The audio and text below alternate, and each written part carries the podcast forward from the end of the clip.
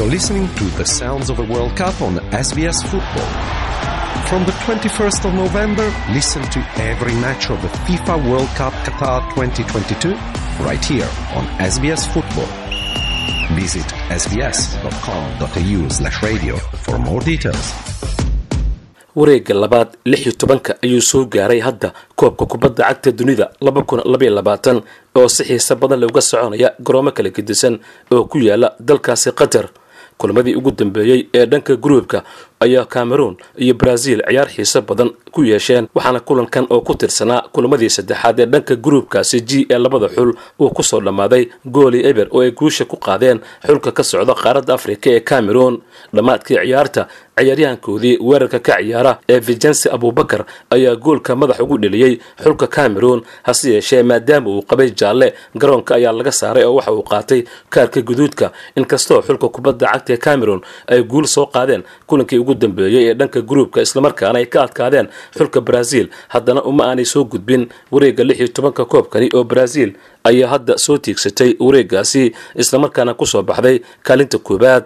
Laakiin xulka cameron ayaa noqday marka loo eego xulkii ugu horeeyey ee qaaradda africa ee brazil ku garaaca koobka kubadda cagta adduunka. Inta taariikhda la xusuusan yahay kulamada kale isla gruubkaasina serbiya iyo switzerland ayaa ciyaar xiise badani dhex martay. Xulka kubadda cagta switzerland ayaa u baahnaa in barbardhac uu helo si u tiigsado wareegga labaad ee tartanka. Hase yeeshee saddex gooli labo ayuu ku adkaaday ciyaar xiise badnayd oo goolo laysugu jawaabayay labada dhinac. Xulka switzerland ayaana gool ku hormartay ciyaarta hogaanka u qabatay markii labaatan daqiiqo ay maraysay waxaana u siixay ciyaaryahanka sherdan shakiri oo ka ciyaara horyaalka dalkaasi maraykanka hase yeeshee ciyaaryahan mitrovich oo kooxda fulham ee dalka ingiriiska u ciyaara ayaa durba soo celiyey goolkaasi shakiri lix daqiiqo kadib. Tiyo ay serbiya hogaanka u sii qabatay ciyaarta shan iyo soddon daqiiqo markii ay maraysay markaasoo ciyaaryahankoodii valahovich ee u ciyaara kooxda yuventus ee dalka talyaaniga uu hogaanka u dhiibay. Hase yeeshee ma yeelin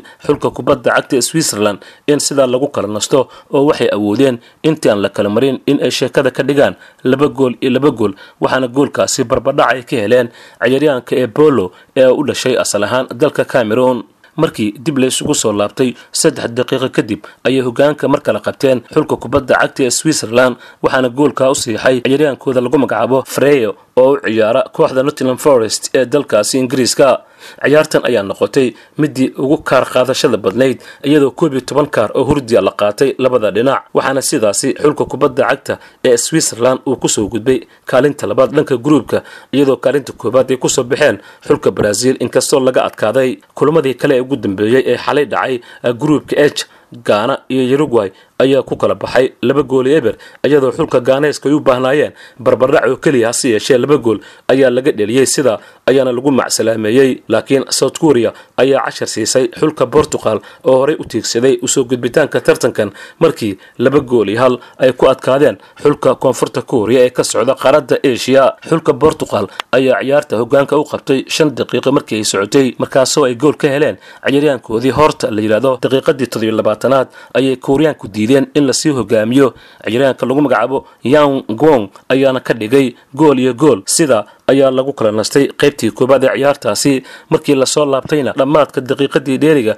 ayay ciyaartoyda xulka kubadda cagta koonfurta korea awood u yeesheen in ay hogaanka ciyaarta u qabtaan. Markii ciyaaryahankoodii hi jang uu u dheliyey gool dhammaadkii ciyaarta taasoo ka dhigtay in xulka kubadda cagta south korea ay u soo gudbaan wareegga xiga ee tartankan. Xulalka uruguay iyo ghana ayaana gruubkaasi ka haray inkastoo xulka uruguay ay guul qaaday islamarkaana dhanka dhibcaha iyo goolashu ay ka saman yihiin dhigoodii south korea ayaa south korea waxay ku soo gudubtay farqiga dhanka goolasha la dheliyey oo afar gool ayay tartanka ka dhalisay halka xulka uruguay laba gool oo keliya uu tartanka ka dheliyey kulamada wareegyada hore ee tartankan ayaa noqday kuwo natiijooyinka qaarkood aan horey loo sii saadaalin waxaana xusid mudan in xulal waaweyn oo qaarkood u soo gudbay wareegga labaad ee tartankani la garaacay mana jiro xul guud ahaanba wada guulaystay min saddexdii ciyaarood ee dhanka gruubka oo ku soo baxay sagaal dhibcood xulalka laga adkaaday ee wareegga lix iyo tobanka soo gaaray waxaa ku jira difaacadayaasha koobka faransiiska xulka brazil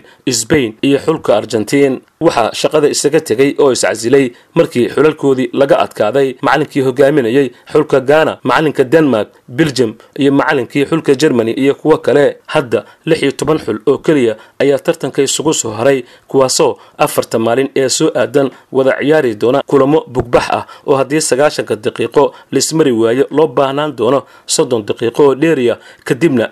goolkulaadyo lagu kala saari doono waxaanay kulamada wareega lix iyo tobanka ay xulalku isugu beegmeen. Netherland wuxuu la ciyaari doonaa xulka maraykanka ciyaarta oo noqon doonta midda ugu soo horeysa kana dhici doonta garoonka khaliifa international stadium. Sidoo kale argentiin ayaa la ciyaari doonta xulka australia. Faransiiska wuxuu la dheeli doonaa xulka poland senegalna ingiriiska ayay la dagaalami doontaa jabaan waxay ku dhacday xulka croatia brazil waxay la ciyaari doontaa shanta bisha desembar xulka south korea iyadoo lixda bisha morocco iyo sbain ay balansan yihiin kulanka ugu dambeeya wareega lix iyo tobankana lixda bisha desembar bortuqiiska iyo switzerland ayaa ku ballansan garoonka lusal iconic stadium waxaana sideedda xul ee u soo gudubta wareega quarter finalka ay ciyaari doonaan sagaalka iyo tobanka isla bishan desembar iyadoo kulamada samafinalkana saddex iyo tobanka iyo afar iyo tobanka bishan la ciyaari doono. Toddobiyo tobanka bishan kaalinta saddexaad ayay u tartami doonaan xulalka samafinalka ku hara